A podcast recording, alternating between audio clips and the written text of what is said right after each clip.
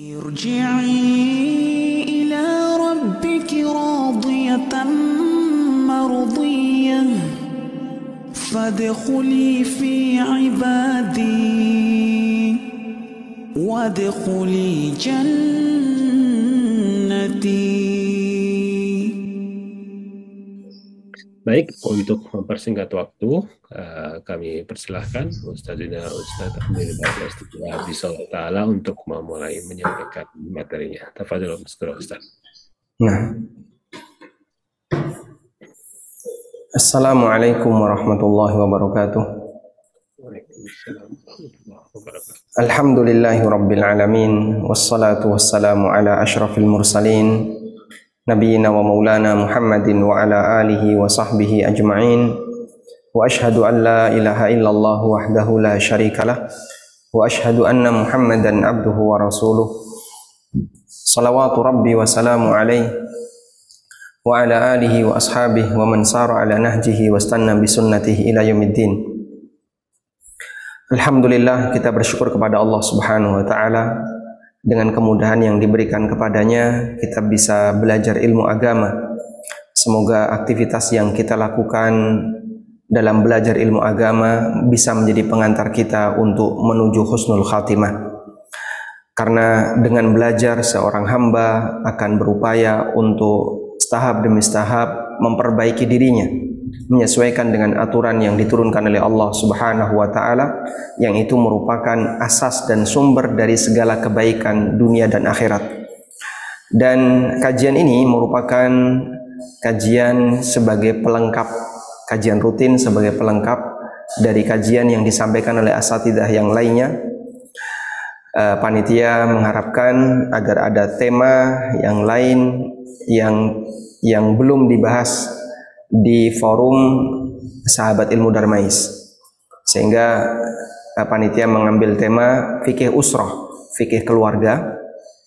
Dan dalam rangka untuk memudahkan dalam proses pembelajaran agar lebih sistematis maka saya memilih buku Manhajus Salikin wa Tawdihul Fiqhi Fid Din karya Syekh Nasir As-Sa'di Muhammad bin Nasir As-Sa'di rahimahullahu taala, Abdurrahman bin Nasir As-Sa'di rahimahullahu taala yang beliau rahimahullahu taala termasuk salah satu di antara ulama dalam madhab Hambali. Beliau termasuk salah satu di antara ulama madhab Hambali yang cukup terkenal. Kita bacakan sedikit biografi tentang penulis Syekh Abdurrahman bin Nasir As-Sa'di rahimahullahu taala. Nama beliau adalah Abdurrahman. Ayahnya bernama Nasir Kakeknya bernama Abdullah Abdurrahman bin Nasir bin Abdullah Alu Sa'di. Termasuk salah satu turunan dari Bani Tamim. Dan Bani Tamim adalah bani baninya Abu Hurairah uh, baninya Abu Bakar As-Siddiq radhiyallahu anhu Abu Bakar At-Tamimi.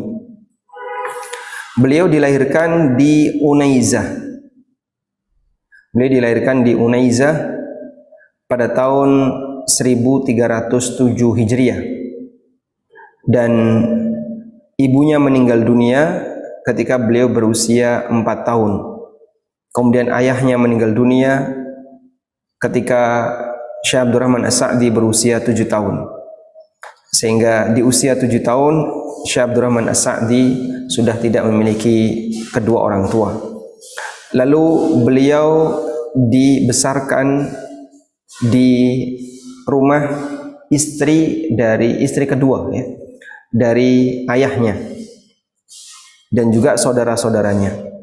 Yang banyak memberikan inisiasi beliau untuk belajar adalah kakak tertuanya sehingga beliau rahimahullah taala mendapatkan banyak perhatian dari keluarga yang ada di sekitarnya. Di antara guru beliau cukup banyak seperti Syekh Ibrahim bin Hamad bin Jasir yang meninggal tahun 1338 Hijriah. Kemudian yang juga terkenal adalah Syekh Muhammad bin Abdul Aziz bin Mani yang meninggal pada tahun 1385 Hijriah. Kemudian juga ada Syekh Ali bin Muhammad As-Sinani dan beberapa ulama yang lainnya. Sementara murid beliau cukup banyak dan banyak di antara murid beliau rahimahullah adalah ulama-ulama besar, ulama-ulama kibar yang banyak memberikan peran dakwah di masa belakangan seperti Syekh Saleh bin Abdullah Az-Zaghibi, Imam Masjid, Masjid Nabawi. Kemudian di antaranya adalah Syekh Abdul Aziz bin Muhammad As-Salman. Ya, salah satu di antara penulis yang sangat terkenal. Kemudian Syekh Abdullah bin Abdurrahman Al-Bassam. Penulis kitab Syarah Umdatul Ahkam, Taisirul Alam yang sangat terkenal dan yang paling terkenal adalah Syekh Muhammad bin Shalih Al Utsaimin rahimahumullah jami.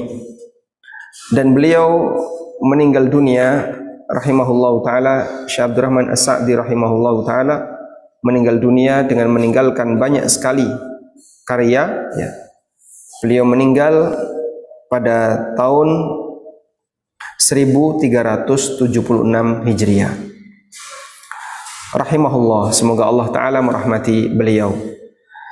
Dan Bapak Ibu yang dimuliakan Allah Subhanahu wa taala, nantinya kita akan melihat penjelasan yang disampaikan oleh Syekh Abdul Rahman dalam kitab Manhajus Salikin itu sangat sederhana. Beliau sampaikan poin-poin kemudian insya Allah nanti kita akan tambahkan dengan beberapa catatan. Tayyib, saya gunakan share screen agar memudahkan bagi kita semua untuk belajar. Kitabun nikah Pembahasan tentang masalah nikah Sebagai pengantar istilah kitab Istilah kitab dalam kitab itu artinya adalah bab ya.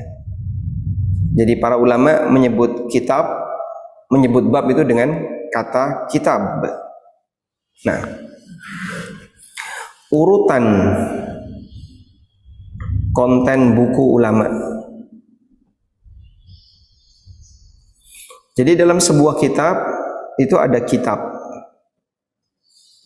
Kitab itu bahasa kitab bab. Lalu di bawah kitab ada bab. Kalau bahasa kita subbab. Di bawah bab ada fasal. Berarti apa ini?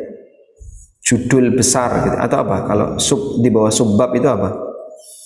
Uh, judul artikel ya. dia di bawah subbab. Ya. Sehingga ada kitab ada bab ada fasal. Ya. maka dalam sebuah kitab ada banyak kitab. Di bawah kitab ada beberapa bab dan di bawah bab terkadang ada beberapa fasal. Nah,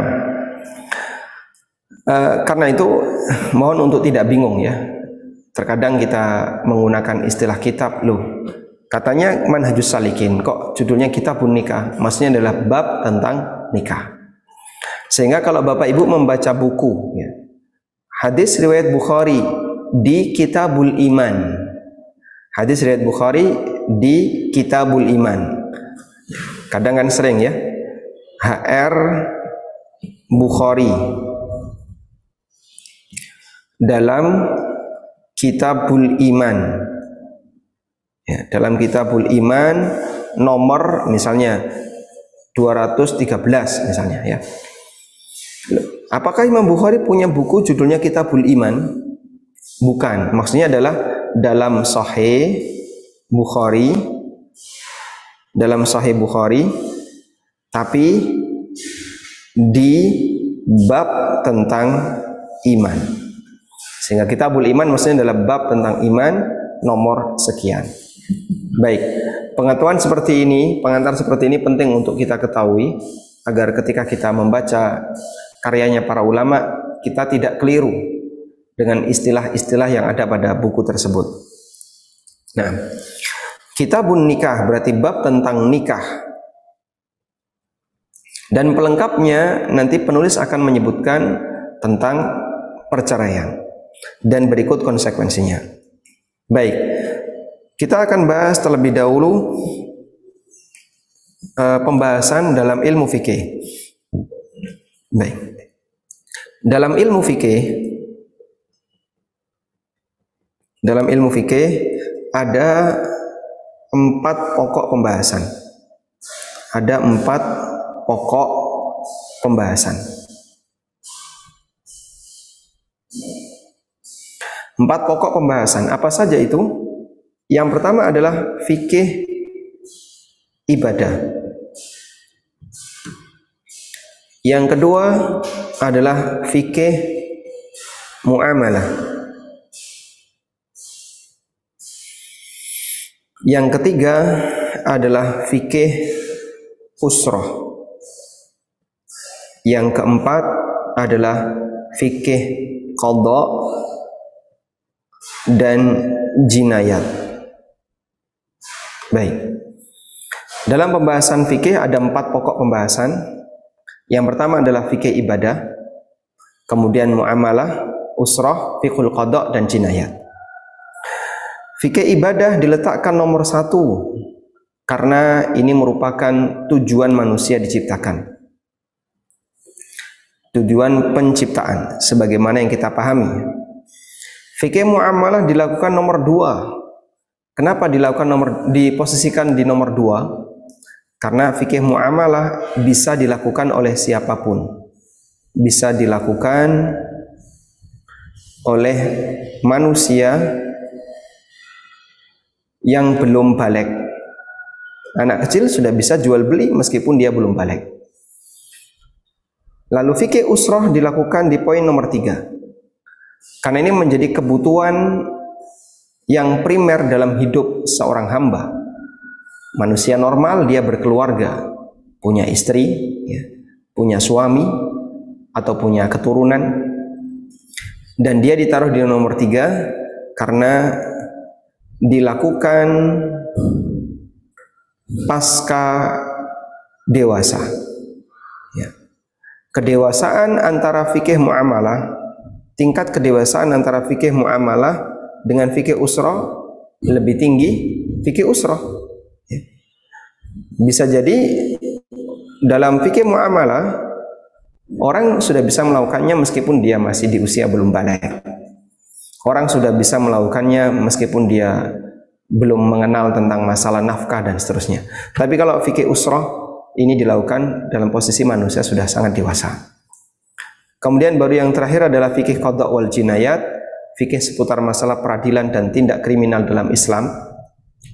Kenapa ini ditaruh di nomor terakhir? Karena hukum asal manusia itu orang baik.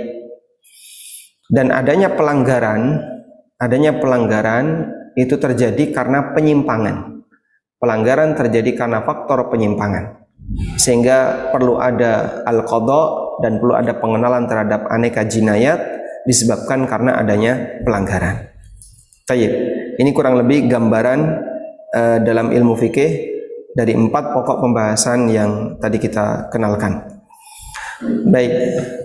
Kemudian dalam fikih ibadah ini yang menyita tempat paling banyak ya. Karena dia membahas dari mulai toharoh, sholat, zakat, puasa, haji, kemudian tentang masalah kurban, akikoh, sembelian, tentang masalah jenazah.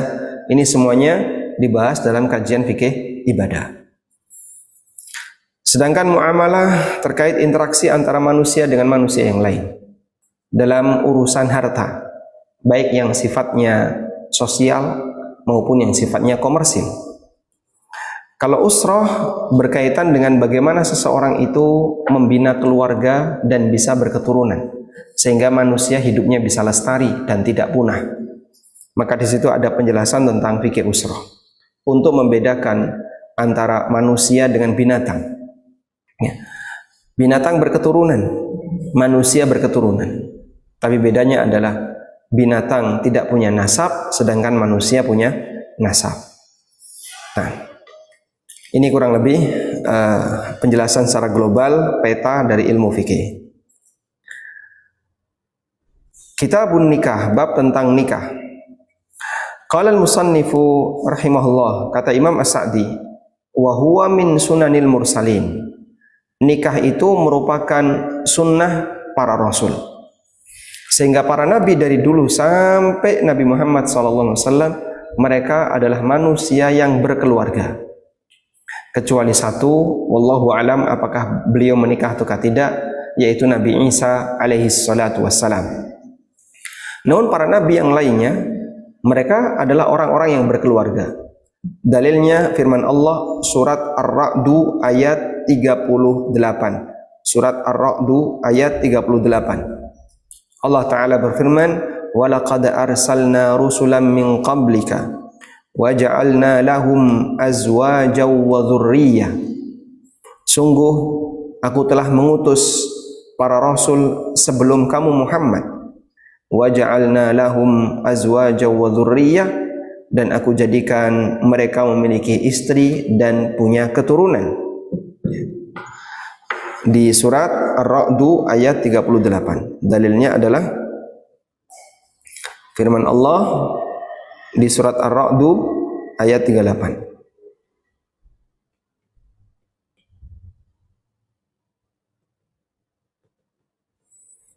Allah menyebutkan bahwasanya para rasul di masa silam diutus oleh Allah taala dan mereka Allah jadikan memiliki anak dan keturunan, memiliki keluarga, punya istri. Wa fil hadis dan disebutkan dalam hadis Rasulullah sallallahu alaihi wasallam bersabda, "Ya ma'syaras sabab, wahai para pemuda, man istata'a minkumul ba'ah falyatazawwaj wahai para pemuda siapa di antara kalian yang memiliki al-ba'ah siapa di antara kalian yang memiliki al-ba'ah? Maka hendaknya dia menikah. Fa innahu aghaddu lil basar. Karena pernikahan itu bisa semakin menundukkan pandangan. Wa ahsanu lil farj. Dan bisa menjaga kemaluan. Wa man lam yastati' tapi siapa yang enggak bisa nikah fa alaihi bisaum maka dia wajib untuk puasa fa innahu lahu wija karena puasa itu akan menjadi wija akan menjadi uh, pemecah syahwat baginya muttafaqun alaih hadis riwayat Bukhari Muslim baik coba kita perhatikan hadis ini Rasulullah sallallahu alaihi wasallam mengatakan ya ma'syarasy syabab wahai para pemuda Pemuda itu punya sifat apa? Fisiknya masih normal ya. Kemudian dia masih punya kemampuan normal sebagaimana layaknya lelaki. Punya kemampuan seksual dan seterusnya. Man istata'a minkumul ba'ah. Siapa di antara kalian yang mampu ba'ah? Sekarang kita lihat. Apa yang dimaksud dengan al-ba'ah? Al-ba'ah secara bahasa artinya adalah al-jima, hubungan badan. Dan yang dimaksud di sini adalah mu'nun nikah minal mahri wan nafaqah. Yang dimaksud di sini adalah uh, kebutuhan nikah berupa mahar dan mampu untuk memberikan nafkah bagi keluarga. Sudah? Maka di sini kita bisa memahami kata al-ba'ah al-ba'ah itu punya dua makna. Yang pertama adalah makna bahasa. Artinya apa? Hubungan badan.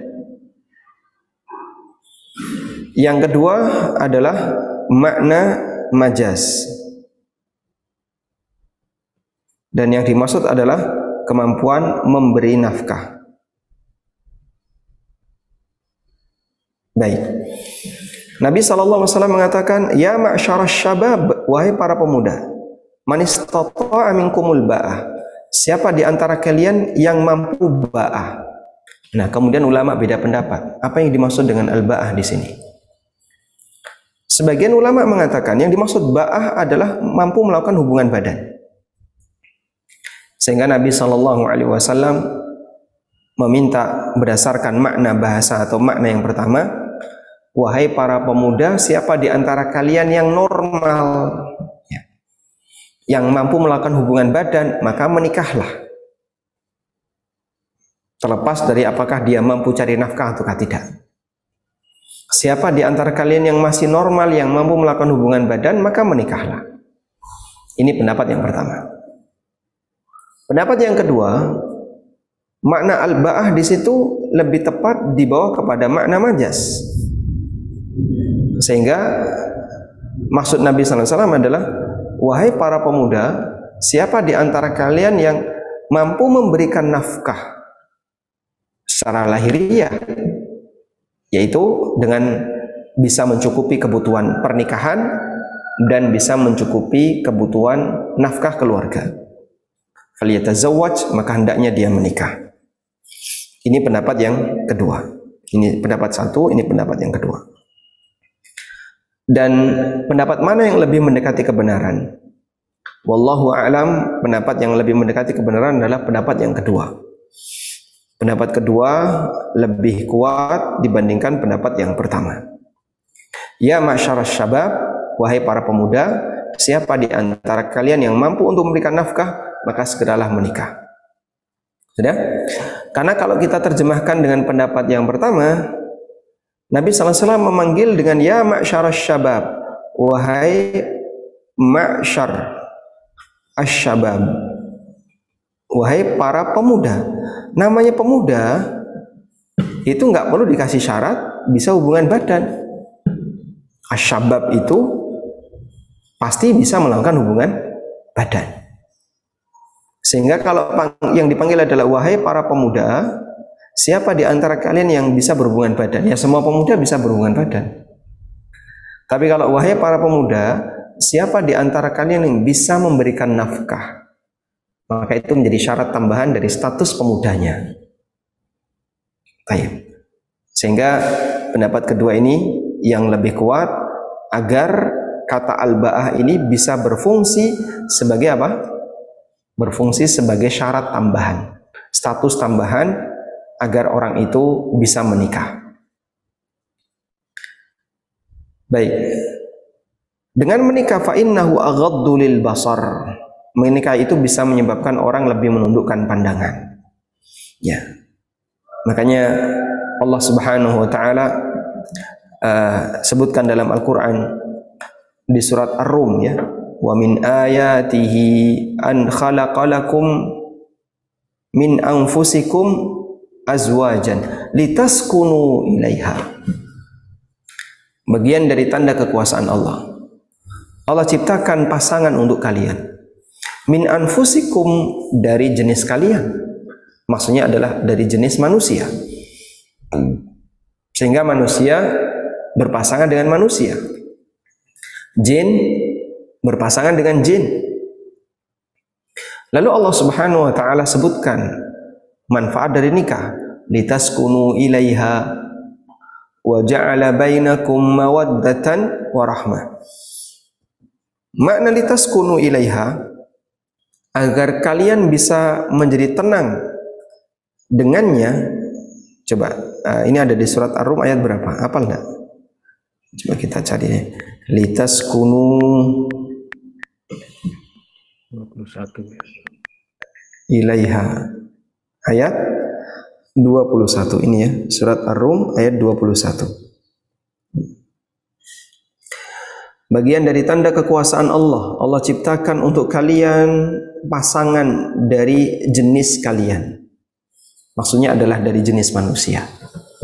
Dan ini dijadikan dalil oleh sebagian ulama Tidak mungkin manusia bisa nikah dengan jin itu tidak mungkin karena Allah tegaskan pasangan kita itu min anfusikum dari diri kalian, maksudnya adalah dari jenis kalian. Fungsinya litaskunu ilaiha agar kalian bisa tenang bersamanya. Sehingga gejolak jiwa itu tidak lebih labil antara orang yang sudah menikah dengan yang belum menikah. Orang yang belum menikah dia labil. Orang yang belum menikah dia ya, gampang tertarik kanan dan kiri. Tapi kalau sudah menikah lebih tenang. Ya. Wa ja'ala bainakum mawaddatan wa rahmah dan Allah jadikan adanya rasa cinta di antara kalian dan adanya rahmat di antara kalian. Yang mawaddah ini diterjemahkan oleh Qatadah, mawaddah maknanya adalah hubungan badan. Dan rahmat maknanya adalah anak. Ya. Agar manusia bisa lestari kehidupannya di muka bumi ini. Taib. Maka Nabi SAW mengatakan fungsi nikah adalah fa innahu aghaddu lil basar. Membuat orang lebih bisa menundukkan pandangan. Ya. Makanya kalau sudah nikah kok pandangannya masih belum tertundukkan, nah ini ada yang keliru ya. Kemungkinan yang pertama ya, kurang maksimal, kemungkinan yang kedua kurang apa Pak? Kurang kuantitasnya. Masya Allah. Tayyip. Wa farj dan lebih bisa menjaga kemaluan. Sehingga orang kan tidak melakukan perbuatan zina. Wa man lam yastati' dan siapa yang tidak mampu untuk menikah karena tidak mampu untuk menyediakan al-ba'ah tadi, dia tidak mampu untuk menyediakan apa? al-ba'ah, nggak bisa menyediakan nafkah untuk keluarga. Nabi SAW kasih saran, fa'alaihi bisawm, maka dia harus puasa. Ya. Tapi tolong jangan dicurigai ya. Ini kok rajin puasa kenapa? Oh, jomblo. Berarti puasa jomblo. Bukan ya. Bisa jadi karena beliau memang rajin puasa. Tapi salah satu di antara solusi untuk menurunkan tingkat syahwat adalah dengan berpuasa. Fa innahu lahu wija karena puasa itu bisa menjadi wija. Apa itu wija? Pemecah syahwat baginya. Coba kita lihat di sini. Al-wija makna wija adalah raddul khisyatain ya. Wija secara bahasa itu artinya adalah cara yang digunakan oleh masyarakat untuk memecah uh, buah skrontum ya. Untuk memecah skrontum. Wakila raddul ir al khasiyatan bakiyatan bihalihima. Ada yang mengatakan memutus uratnya, memutus salurannya. Litadhhaba bidzalika syahwatul jima agar menghilangkan syahwat hubungan badan. Ya bahasa kita dikebiri. Ngebiri itu dalam bahasa Arab disebut dengan alwija. Bisa skrontumnya yang diambil, bisa salurannya yang diputus. Sehingga keberadaan air mani yang diproduksi oleh skrontum itu tidak berfungsi. Wal murad dan yang dimaksud dalam hadis ini adalah anna sauma himayatun min syururi syahwah. Puasa itu bisa menjadi uh, pelindung dari potensi kejahatan syahwat. Sehingga ketika syahwatnya besar tapi dia tidak punya uh, media penyaluran, maka dia dirusak atau dia dia ditekan dengan cara berpuasa. Namun masya Allah ya, kaum muslimin mereka punya iman. Dan dengan imannya, seorang muslim meskipun syahwatnya sangat besar, meskipun dia tidak punya cara untuk menyalurkan syahwat itu dengan cara yang legal, tapi dia bisa bersabar. Sehingga dia tidak berzina. Dia tidak melakukan penyimpangan seksual. Itulah seorang mukmin yang dia beriman kepada Allah Ta'ala dan hari akhir. Dia bersabar tidak melakukan penyimpangan seksual. Berbeda dengan orang yang tidak punya iman atau imannya lemah, ada penyakit dalam hatinya. Seperti itu dia nggak bisa sabar.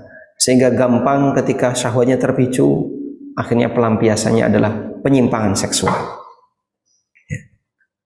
Kita bisa lihat ya, bagaimana tradisi yang terjadi di dunia barat. Ya bagaimana tradisi yang terjadi di negara-negara yang dominan non-muslim di Australia atau di negara-negara yang lainnya sehingga mereka menganggap ini kan kebebasan kami terserah kami akhirnya rusak tatanan nasab makanya kita kadang heran di sana apa ada orang yang punya keturunan? Kalaupun ada itu kecil sekali sedikit ya.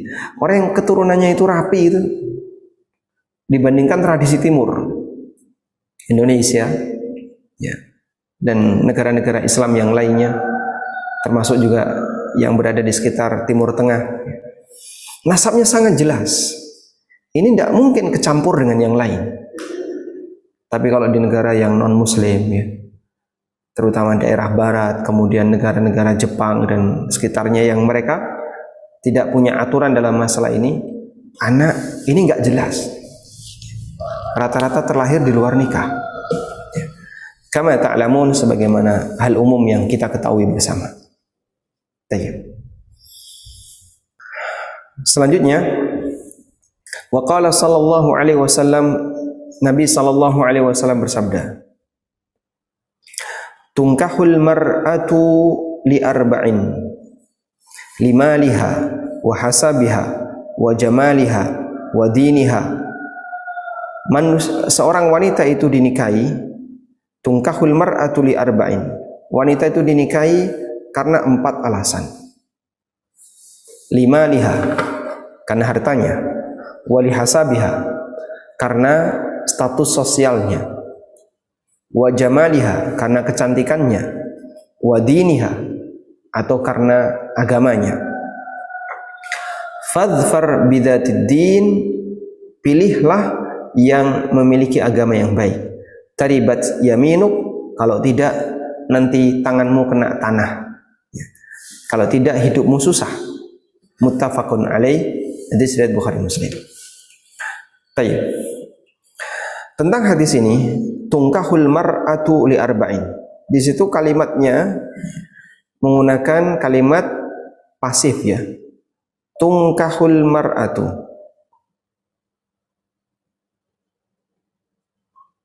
Tungkahul mar'atu. Wanita dinikahi. Tungkahul mar'atu. Wanita dinikahi. Kalimatnya menggunakan kalimat pasif. Wanita dinikahi. Kalimat ini menceritakan apa? Kalimat ini menceritakan tradisi. Ya. Kalimat ini menceritakan tradisi. Sehingga di situ bukan perintah. Bukan perintah. Dan bukan pula saran. Tapi Nabi SAW menceritakan tradisi. Tungkahul mar'atu li arba'in. Wanita itu dinikahi karena empat alasan. Artinya Nabi SAW menceritakan tradisi umumnya wanita itu dinikahi karena empat alasan. Sudah? Kalimat itu menceritakan apa? Tradisi. Biasanya lelaki itu menikahi wanita karena empat alasan. Ya.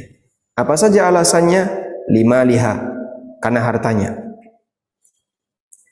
Au lihasabiha, atau karena status sosialnya. Atau karena kecantikannya, atau karena agamanya. Ya. Baik, lalu di bagian akhir Nabi Shallallahu Alaihi Wasallam menyebutkan saran fadfar bidatiddin. Ini saran. Ya. fadfar bidatiddin ini kalimat saran. Bagian depan ini menceritakan tradisi bagian belakang berisi saran.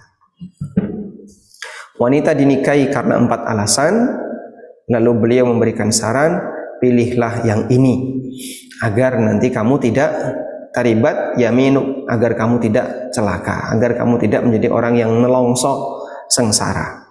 Muttafaqun alaih hadis riwayat Bukhari Muslim. Sehingga jangan dipahami, oh berarti Nabi SAW perintahkan agar ketika kita nikah mengumpulkan empat ini. Ya. Kalau bisa cari wanita yang kaya, anaknya kiai, ya. cantik, agamanya bagus. Siapa ente? Lo siapa? Jadi bukan maksudnya seperti itu. Ya memang kalau bisa dikumpulkan bareng itu yang paling ideal. Nah, tapi kalau nggak bisa semuanya gimana? Nabi SAW tunjukkan prioritaskan bagian ini. Begitu ya. Sehingga di sini menceritakan tentang tradisi bukan saran. Nah, saran itu bagian yang terakhir. Fadfar bidatid din taribat yada. Nah, coba kita lihat makna hasab. Di footnote ada keterangan tentang makna hasab. Yang dimaksud dengan al-hasab al-hasab ma ya'iduhul mar'u min manakibihi au syarafi abaihi. Hasab adalah status yang dimiliki oleh seseorang bisa karena dia punya banyak keunggulan atau karena kemuliaan bapaknya. Anaknya kiai ya. Anaknya darah biru atau keturunan darah biru atau apalagi misalnya. Oh, dulu bapaknya ini punya jasa besar di kampung ini dan seterusnya. Itu namanya hasab. Jadi ada nasab, ada hasab. Ada uh, keturunan ya. Itu ada dua, ada nasab, ada hasab. Baik, nasab itu kembali kepada garis turunan, sedangkan hasab itu kembali kepada jasa bagi umat. Nasab raja itu garis keturunan. Seperti kalau di Jawa ada Raden ya. Kalau di Lombok ada Lalu sama Baik ya. Kalau perempuan Baik ya, kalau laki-laki Lalu. Kalau di Sumat eh, di mana? Makassar ada Andi ya. Berarti dia keturunan bangsawan. Kalau hasab ini posisinya karena jasa. Dia mungkin bukan keturunan orang hebat, tapi dia punya jasa di masyarakat. Lalu masyarakat apa mem, memuliakan keluarganya. Maka siapa pun yang menjadi anggota keluarganya dia punya hasab yang baik. Siapa pun di antara anggota keluarganya dia punya hasab karena pengaruh dari orang yang banyak berjasa bagi masyarakat. Nah, Fadzfar din, pilihlah yang punya agama. Taribat yaminuk. Di sini ada makna taribat yadak. Dalam riwayat yang lain taribat yadak. Apa yang dimaksud dengan taribat? Makna taribat artinya adalah lasaqat lasaqat biturab minal faqr. Kamu nanti mepet tanah karena fakir sehingga rumahnya tidak punya alas akhirnya tiap hari kesentuh tanah sehingga makna taribat yadak semoga tanganmu kena tanah menunjukkan orang yang melarat karena fakir sehingga tanahnya kena tangannya kena tanah maka Nabi SAW menyarankan kalau kamu tidak milih agama yang ter, agama yang baik maka nanti hidupmu akan menjadi susah hidupmu akan celaka seperti tanganmu kena tanah. Nah, hidupmu akan jadi melarat. Fadfar bidatiddin, maka pilihlah yang punya agama yang baik. Taribat yaminuk agar tanganmu tidak kena tanah, agar kamu hidupnya tidak melarat. Nah, lalu bagaimana teknisnya? Nabi SAW menceritakan tradisi, lalu setelah itu beliau memberi saran memberi saran untuk pilih yang agamanya baik. Untuk pilih yang agamanya baik. Sudah? Bagaimana teknisnya? Nah, ini kan penting ya. Bagaimana teknisnya? Ini afwan ya. Pesertanya sebagian besar jumlah atau sudah berkeluarga ini? Jomblo, Ustaz.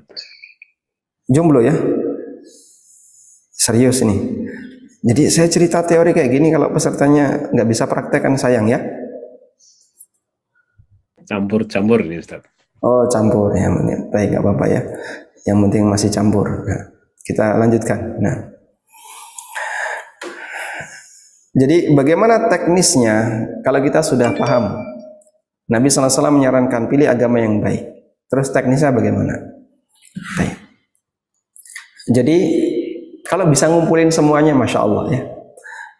Sudah anaknya kiai atau anaknya pejabat atau siapa pun dia, hartanya banyak, ya. Kemudian fisiknya bagus, kemudian apalagi satu lagi tadi agamanya baik, kumpul semuanya, masya Allah ya. Tapi jarang bisa seperti itu. Maka teknisnya begini, ya. Pilih berdasar pilih berdasarkan berdasarkan apa? Selera. Ya. Pilih berdasarkan selera. Kamu mau wanita yang seperti apa? Nah, kan orang punya prioritas ya. Berdas- Berdasarkan prioritas selera. Ini prioritas. Oh, saya sih pengennya anak kiai. Pengen anak kiai biar nanti saya dipanggil Gus. Nah, kalau Jawa Timur kan gitu ya. Nikah dengan anaknya kiai, maka nanti dia dipanggil Gus. Saya itu pengen dipanggil Gus. Atau saya pengennya yang hartanya banyak karena saya ini orang yang lemah, nggak bisa bekerja maksimal. Atau saya pinginnya ini, pinginnya itu. Baik, silahkan pilih berdasarkan prioritas selera. Sudah? Lalu yang kedua, tentukan tentukan pilihan dengan menjadikan agama sebagai apa? Menjadikan agama sebagai penentunya.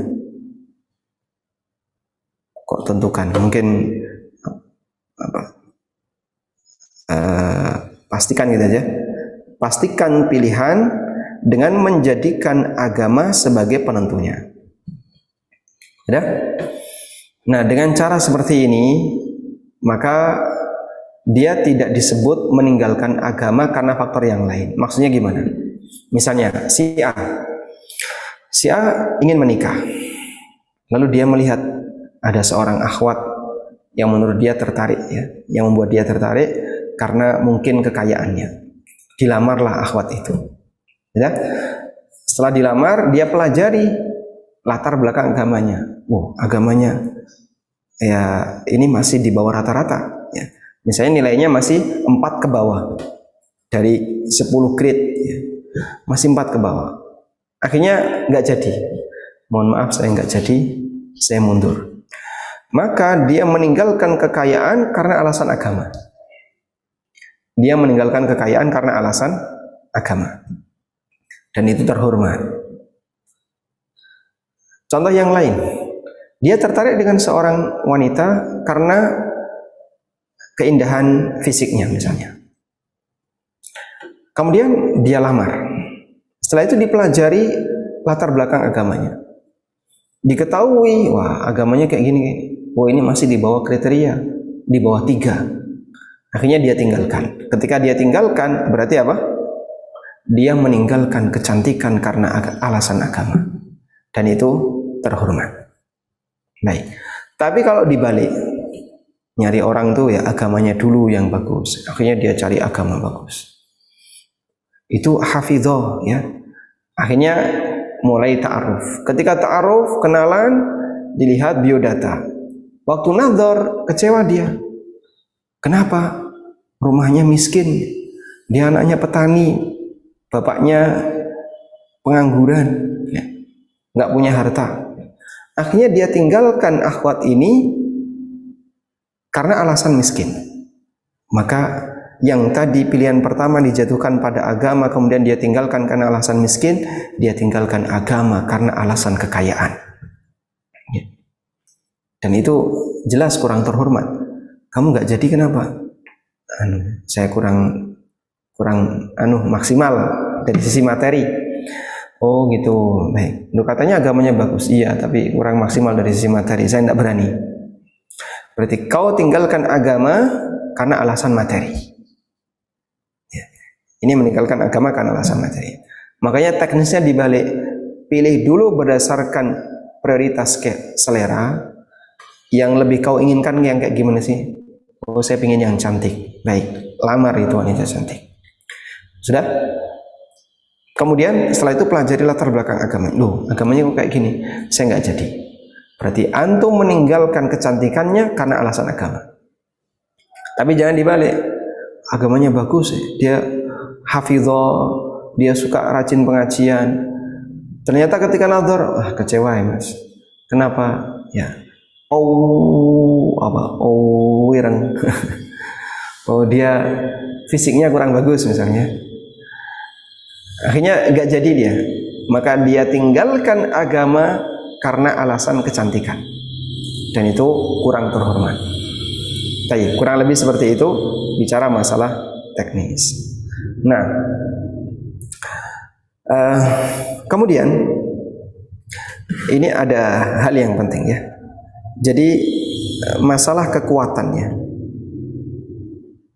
kekuatan. Apa Pak yang dimaksud kekuatan? Bagi lelaki kekuatannya ada di memilih. Lelaki itu punya kekuatan memilih. Maka jadilah seorang lelaki yang pintar milih. Sedangkan bagi wanita kekuatannya ada di wanita kekuatannya ada di menolak. Ya. Bagi lelaki kekuatannya ada di memilih. Bagi perempuan kekuatannya ada di menolak.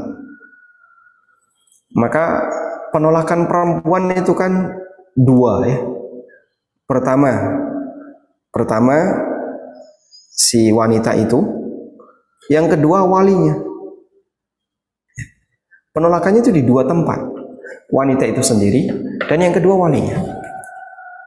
Sehingga ada orang yang dia ngelamar ya ditolak ngelamar ditolak. Bisa jadi yang menolak si wanita. Bisa jadi yang menolak walinya. Tapi kalau lelaki milih milih milih. Salah pilih ya nanti ada resikonya. Makanya Nabi Wasallam bersabda dalam hadis ini itu berbicara untuk siapa berbicara untuk siapa ini untuk lelaki. Tungkahul mar'atu li arba'in. Wanita itu dinikahi karena empat alasan. Ini berbicara untuk konteks laki-laki. Beliau mengajarkan bagaimana cara lelaki memilih calon yang tepat. Kalau wanita kekuatannya menolak. Makanya Nabi Shallallahu Alaihi Wasallam menekankan bagi wanita jangan gampang menolak. Ya, hati-hati dengan menolak karena belum tentu dia bisa mendapatkan dengan yang lebih baik. Dalam sebuah hadis yang sahih, Rasulullah Shallallahu alaihi wasallam bersabda. Saya bacakan hatinya.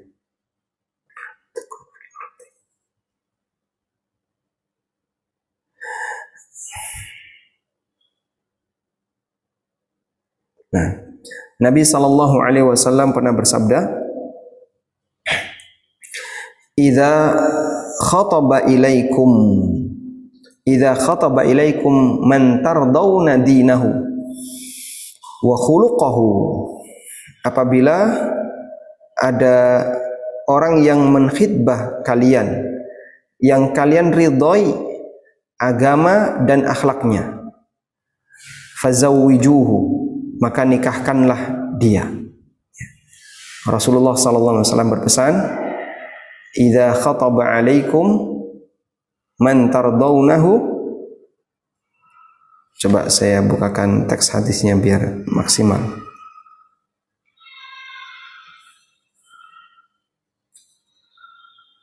Idza atakum man tardawna khuluquhu wa dinahu fazawwijuhu illa taf'alu takun fitnatun fil ardi wa fasadun arid Apabila ada orang yang menghidbah anak kalian yang dia adalah orang yang baik ya kalian ridhoi agama dan akhlaknya tardawna khuluquhu wa dinah akhlaknya baik, agamanya baik. Fazawwijuhu, maka nikahkanlah dia. Illa taf'alu, kalau kalian tidak melakukannya, takun fitnatun fil ardi wa fasadun arid, maka akan terjadi banyak fitnah dan kerusakan di muka bumi. Hadisnya Hasan ya, dari sahabat Abu Hurairah radhiyallahu anhu. Sehingga hadis ini mengajarkan meskipun kalian punya kekuatan menolak Meskipun wanita punya kekuatan menolak, Tapi hati-hati menolak orang. Kalau ada orang yang datang dan dia agamanya baik, dia akhlaknya baik, tolong jangan ditolak. Ya. Karena kalau ini ditolak akan ada fitnah dan kerusakan yang besar. Hadisnya Hasan. Ya, baik yang menolak adalah pihak wanita maupun pihak walinya. Wallahu alam. Baik, selanjutnya apa yang dimaksud dengan kriteria baik agamanya? Baik agama, ya. Yang pertama adalah pengetahuan. Dan ini bisa ditandai dengan melihat uh, oh dia hafid Quran, dia seorang hafidhah, dia pernah belajar ilmu agama dan seterusnya. Yang kedua adalah akhlak bagaimana kepribadiannya, akhlaknya, tingkah lakunya. Dan ini bisa dilihat dari temannya. Ya, komunitas. Nabi Shallallahu Alaihi Wasallam mengatakan almaru ala dini khalili. Orang itu meniru agama komunitasnya. Dan yang ketiga adalah menjaga kehormatan. Ya. Menjaga kehormatan. Coba dilihat bagaimana cara dia berpakaian. Coba dilihat bagaimana cara dia bergaul. Bagaimana interaksi dengan dengan lawan jenis. Semua kriteria ini adalah kriteria nilai kebaikan agama. Wallahu alam. Tayyib, mungkin itu yang bisa eh, di sini bagian. Kemudian Syekh mengatakan, wayam bagi ayatakhayyara dzatad din. Karena itu selayaknya seorang lelaki memilih calon istri yang agamanya baik wal hasab dan punya garis keturunan yang baik al wadud yang penyayang al walud al, has, al hasibah penyayang dan diperhitungkan bisa memiliki banyak anak. Ya. Dan itu melihat dari mana? Ini kira-kira uh, wanitanya subur ataukah tidak? Melihat dari mana? Dari dari garis keturunannya. Ya. Coba diperhatikan. Oh, kakaknya anaknya sekian, ibunya anaknya sekian. Oh, insya Allah anak ini juga akan normal berdasarkan garis keturunannya. Wallahu taala alam demikian yang bisa kita sampaikan sebagai mukaddimah. Wassallallahu ala nabiyyina Muhammadin wa ala alihi wa sahbihi wasallam. Alhamdulillahirrahmanirrahim. Uh, Jazakallah khair Ustaz atas penyampaian materinya. Sebelum saya bacakan pertanyaan, pertanyaannya sangat banyak sekali Ustaz di kolom chat. Uh, saya yakin ini berhubungan dengan uh, karena ini topik yang cukup cukup menarik tentunya untuk jamaah sekalian dan hmm. uh, mudah-mudahan masih ada waktu uh, sebelum di Jogja maghrib Ustaz ya. Baik. Uh, silakan juga kalau ada yang akan bertanya langsung Bapak Ibu sekalian untuk menggunakan fasilitas raise hand. Izin saya bacakan pertanyaan dari kolom chat. Yang pertama, Bismillahirrahmanirrahim. Assalamualaikum warahmatullahi wabarakatuh. Waalaikumsalam warahmatullahi wabarakatuh. Mohon izin bertanya Ustaz tentang harta keluarga. Apakah hasil usaha berdagang seorang ibu rumah tangga yang modalnya mengolah dana dari gaji pokok suami yang PNS dan ternyata berhasil dapat meningkatkan taraf hidup keluarga. Apakah itu termasuk harta milik istri atau milik bersama dengan suami? Bagaimana hukumnya jika dalam kurun waktu sekian lama suami meminta harta tersebut untuk dibagi dua? Uh, karena suami pensiun dan tidak punya simpanan. Mohon pencerahannya Ustaz. Jazakallahu khairan. Wa jazakumullah khairan. Baik. Saya punya dalil tentang ini yang barangkali bisa dijadikan sebagai acuan ya yaitu hadis yang diriatkan oleh Al Baihaqi terkait peristiwa yang terjadi dengan um, antara Umar bin Khattab radhiyallahu anhu dengan dua anaknya. Dua anak Umar, yang pertama Abdullah, yang kedua Ubaidillah. Ada dua putra Umar namanya Abdullah dan Ubaidillah. Wallahu alam siapa kakak siapa adik Tapi kalau dilihat dari namanya, nampaknya Abdullah adalah kakak. Ya. Ada Abdullah, ada Ubaidillah. Abdullah dan Ubaidillah ini pernah ikut duanya putra Umar ya. Umar bin Khattab radhiyallahu. Mereka pernah ikut ekspedisi pasukan ke Irak. Ya, bersama pasukan ke Irak. Sesampainya di Irak, mereka mampir ke Basrah. Dan waktu itu yang menjadi gubernurnya Basrah adalah Abu Musa al-Ash'ari. Abu Musa ini gubernur Basrah. Lalu Abu Musa berjumpa dengan Abdullah dan Ubaidillah. Abu Musa berjumpa dengan Abdullah dan Ubaidillah. Kemudian mereka uh, ngobrol akrab ya sebagai bentuk penghormatan karena ini adalah putra Amirul Mukminin Umar bin Khattab radhiyallahu anhu. Kemudian Abu Musa memberikan titipan kepada Abdullah dan Ubaidillah. Ini uang tolong kasihkan ke Amirul Mukminin. Ya, Abu Musa memberikan sejumlah uang. Uang mungkin dari hasil jizyah, dari hasil jizyah di Irak. Kasihkan ke Amirul Mukminin Umar bin Khattab radhiyallahu anhu di Madinah. Dengan uang ini, kamu bisa kulaan barang di Irak. Kemudian nanti dibawa ke Madinah. Setelah sampai di Madinah, kamu jual Hasil penjualannya pokoknya kau serahkan kepada Amirul Mukminin, untungnya silahkan kau pakai. Itu pesannya Abu Musa al-Ash'ari. Nah, akhirnya dilakukanlah oleh Abdullah dan Ubaidillah. Kemudian mereka kulaan dengan uang itu, dapat barang, dibawa ke Madinah. Barang yang murah di Irak, tapi mahal di Madinah. Sampai di Madinah barang itu laku. Dan beliau mendapatkan uang plus keuntungan. Ya. Abu Musa juga berkirim surat ke Umar menjelaskan bahwasanya Abu Musa menitipkan uang sekian kepada Abdullah dan Ubaidillah. Mohon untuk uang ini agar diperiksa. Akhirnya setelah mereka dapat uang, Abdullah dan Ubaidillah dapat uang, uang itu dikembalikan. Suratnya dibaca Umar. Akhirnya Umar tanya, apakah semua pasukan mendapatkan pinjaman modal yang sama sebagaimana kalian? Lalu kata Abdullah dan Ubaidillah, tidak, hanya kami saja. Apa jawab Umar? Itu karena kamu adalah putra Amirul Mukminin. Kemudian Umar minta, Umar radhiyallahu anhu meminta kembalikan modal plus untungnya untuk kas negara. Serahkan modal dan untung diserahkan ke kas negara, ke Baitul. Ubaidillah protes. Tidak bisa wahai Amirul Mukminin.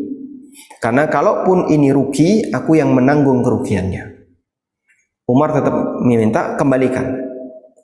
Akhirnya ada orang yang ngasih saran kepada Umar.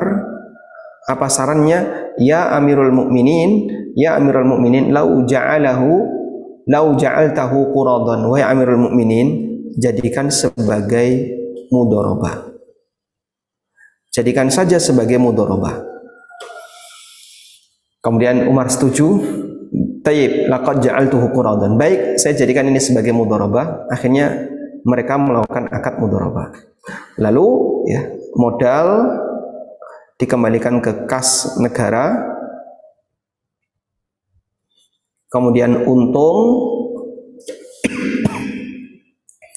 dibagi dua, 50% masuk kas negara, yang 50% ini diserahkan ke dua putra Umar. Abdullah dan Ubaidillah tadi ya. 50% masuk kas negara, yang 50% sisanya diserahkan ke dua putra Umar. Nah, saya kira ini bisa kita jadikan sebagai acuan yang cukup adil untuk kasus tadi ya. Ketika seorang suami memberikan ke istri berupa modal ya. dan dulu akadnya nggak jelas bagi hasilnya nggak jelas Maka jika itu untung, kami sangat sarankan modal kembali ke suami. Kemudian untung di sini 50% kembali ke suami, lalu 50% sisanya kembali ke istri yang menjalankan usaha. Nah, angka 50% 50% ini sebenarnya sesuai kesepakatan. Anda boleh minta 60, Anda boleh minta berapa misalnya 40 sesuai kesepakatan. Karena ketika dalam tahap awal terjadi ketidakjelasan pada saat sang suami itu ngasih ke istri itu tujuannya apa, lalu akadnya bagaimana, kemudian bagi hasilnya berapa, nggak ada kejelasan, maka bisa dikembalikan kepada kesepakatan di belakang. Wallahu a'lam. Alhamdulillah, insya Allah jelas. Nanti mohon diberikan aba-aba Ustaz kalau sudah tidak ada waktu atau sudah menjelang maghrib di Jogja. Karena pertanyaannya banyak. Baik, kita sampai 17.20 insya Allah. Baik, insya Allah. Alhamdulillah. Uh, satu lagi saya bacakan di kolom chat dulu sebelum uh, ada yang reset. Bismillahirrahmanirrahim. Assalamualaikum warahmatullahi wabarakatuh. Waalaikumsalam. Allah senantiasa menjaga Ustadz, keluarga, tim, dan panitia, dan seluruh kaum muslimin dalam kebaikan. Apa. Ustadz izin bertanya, bolehkah seorang istri yang masih aktif bekerja menginap atau bermalam di luar kota? Misal ada workshop di luar kota karena full day acaranya, jadi bermalam di hotel tanpa didampingi suami. Karena kodarullah suami tidak bisa menemani karena alasan pekerjaan juga. Bagaimana hukumnya? Apakah suami akan berdosa karena membiarkan istri bermalam di luar rumah tanpa mendampingi? Dan bagaimana hukumnya seorang istri berangkat atau pulang kerja menggunakan alat transportasi dengan driver ikhwan misalnya dengan taksol atau ojol Ustaz mohon arahannya jazakallahu khairan wa barakallahu fikum Wafikum barakallah. Nah, nah ini salah satu di antara efek samping ya ketika wanita itu bekerja namun dia tidak dibatasi dengan ruangan tertentu sampai harus keluar kota tanpa didampingi mahram. Ini tadi keluar kota ya, menginap di luar kota. Ya. Eh, ya ini hal yang tidak sepatutnya dilakukan oleh seorang muslimah. Nabi Shallallahu Alaihi Wasallam mengatakan, la yahillu limra'atin tu'minu billahi wal yaumil akhir an tusafira illa wa ma'aha dzu mahramin. Tidak halal bagi seorang wanita untuk melakukan safar kecuali didampingi oleh mahram. Beliau sallallahu alaihi wasallam menyebut nggak halal. Artinya itu pelanggaran. Kecuali dalam kondisi terpaksa dan sebatas bekerja seperti ini belum bisa disebut kondisi terpaksa. Makanya seharusnya kalau uh, pimpinan adalah orang yang bisa apa bisa punya kebijakan sesuai syariat, dia membuat kebijakan untuk ibu-ibu yang tidak bisa didampingi oleh suaminya, maka nanti pertemuannya melalui Zoom atau melalui media yang lain sehingga tetap bisa ikut rapat namun dia dibatasi oleh ruangan sehingga agar tidak terjadi potensi fitnah yang lebih besar batasi dengan ruangan. Kenyataan di lapangan kita tahu sendiri ya. Kata orang benteng iman. Tapi nyatanya ya yang namanya dunia pekerjaan itu termasuk di antara uh, pemicu terjadinya perselingkuhan. Waliyadzubillah. Hal yang umum meskipun tidak diberitakan secara terbuka.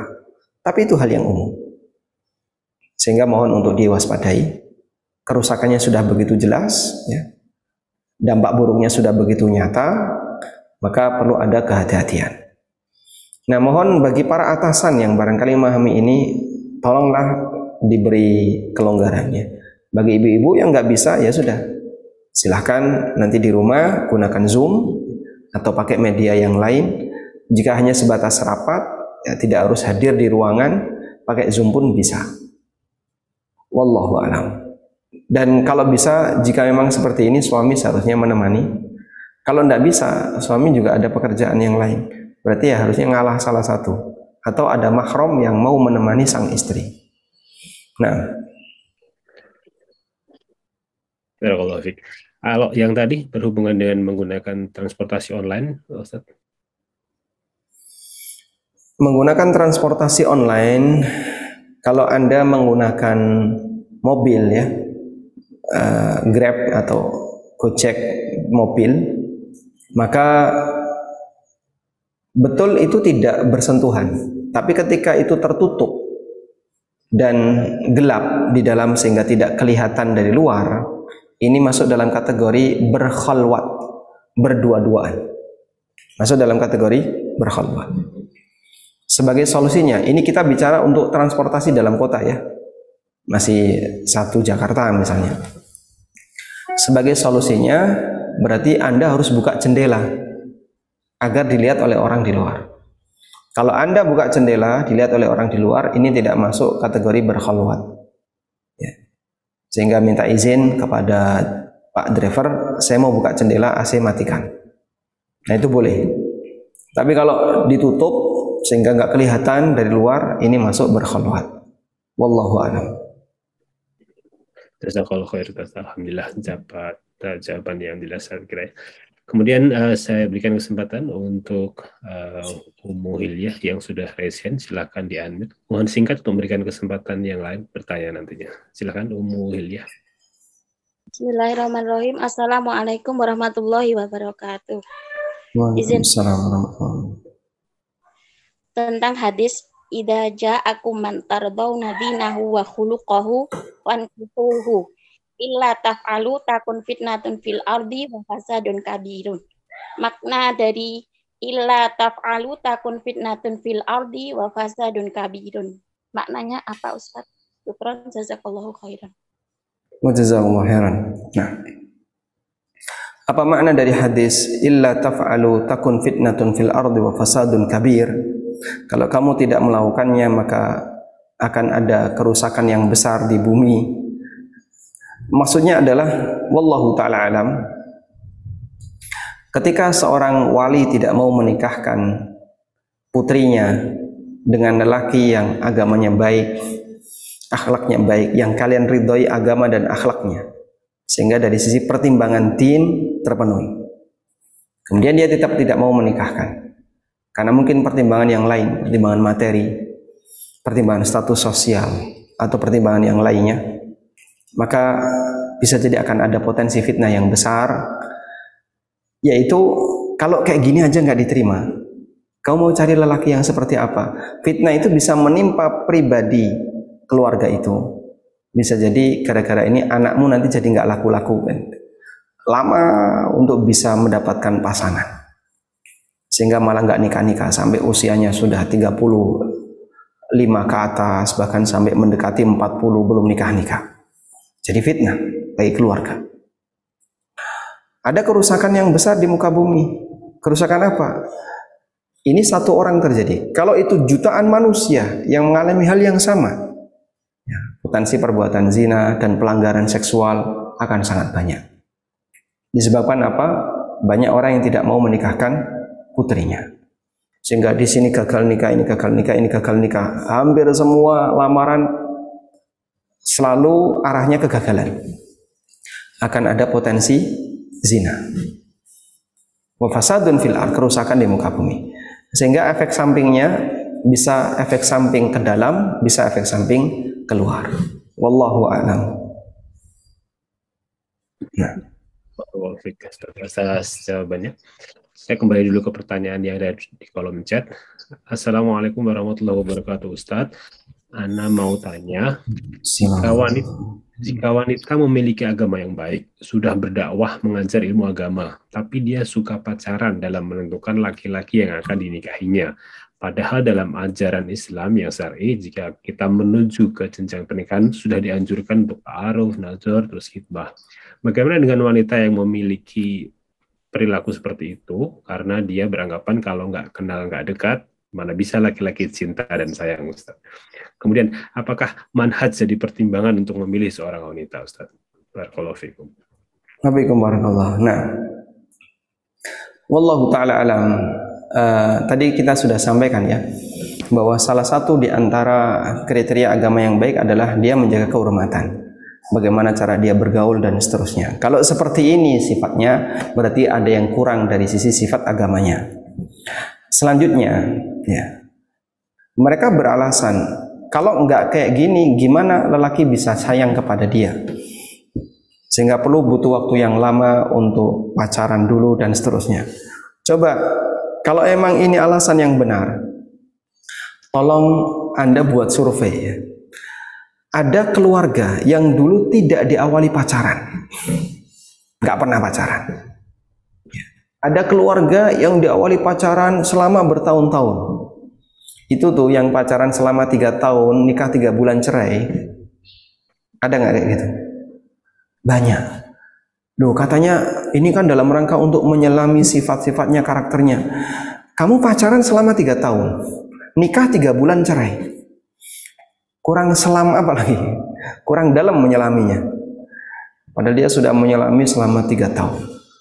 Jadi ini hanya syubhat yang dilontarkan oleh setan yuhi ba'dhum ila ba'din zukhrufal qawli ghurura untuk membuat kalimat-kalimat yang menipu agar uh, dia itu tetap bertahan pada perbuatan zina, zina hati, zina mata dan zina yang lainnya. Sementara dia merasa wahum yahsabuna annahum yuhsinuna sun'a. Dia merasa sedang berbuat baik. Wallahu alam. Ini sudah jam 17.24 ya. Oh, baik. Uh, satu lagi boleh mau di situ Ustaz ya kita berikan kesempatan untuk Baik, satu lagi. terakhir ya Ustaz. Baik kami berikan kesempatan untuk yang resen silakan uh, Ibu Meti dari Ciawi kami persilakan untuk unmute. Dan yang terakhir Assalamualaikum warahmatullahi wabarakatuh, Ustadz. Waalaikumsalam warahmatullahi wabarakatuh. Afwan Ustadz, eh, Ana mau bertanya, bagaimana hukumnya ada seorang wanita Muslim menikah dengan laki-laki Nasrani dengan adat Nasrani.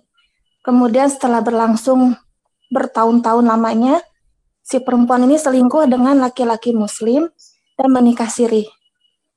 Dari pernikahan siri ini menghasilkan dua orang anak laki-laki dan perempuan.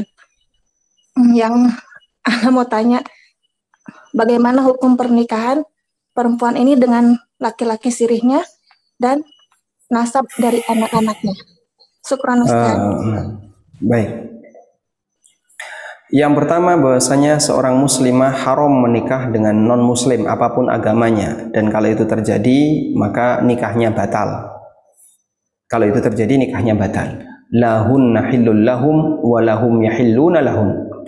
Mereka lelaki itu, lelaki kafir itu tidak halal untuk menikah dengan wanita muslimah dan wanita muslimah tidak halal untuk menikah dengan lelaki yang kafir. Sehingga ketika itu terjadi pernikahannya batal. Baik. Nah, ketika pernikahan batal berarti mereka harus dipisahkan. Ketika mereka berpisah, wanita ini kapan dia boleh nikah? Jadi nggak perlu ada perceraian ya, karena nikah batal. Perceraian itu ada jika nikahnya sah. Kalau nikah batal nggak perlu ada perceraian. Nah, ketika sudah terjadi perceraian, eh, ketika sudah dipisahkan, nggak perlu cerai karena nggak ada talak, nggak ada apa-apa. Ketika dia sudah dipisahkan, maka wanita ini kapan dia boleh nikah lagi? Jawabannya dia boleh nikah lagi jika sudah istibra. Apa itu istibra? Rahimnya bersih, ditandai dengan sekali haid tanpa ada campuran, tanpa berhubungan badan dengan suaminya, dengan si Nasrani tadi. Sehingga dia harus tunggu sekali haid, bersih rahimnya, baru dia boleh nikah lagi dengan lelaki muslim. Baik, kalau itu terjadi, insya Allah nikah siri ini halal, sah. Tapi kalau itu tidak dilakukan, maka nikah siri ini eh, tidak diperbolehkan. Tunggu dulu sampai terjadi istibra. Wallahu alam. Baik, demikian yang bisa kita sampaikan di kesempatan kali ini. Semoga bermanfaat. Wassallallahu ala nabiyyina Muhammadin wa ala alihi wa sahbihi wa sallam. Wa akhiru da'wana anil hamdulillahi rabbil alamin. Wassalamualaikum warahmatullahi wabarakatuh. ارجعي إلى ربك راضية مرضية فادخلي في عبادي وادخلي جنتي.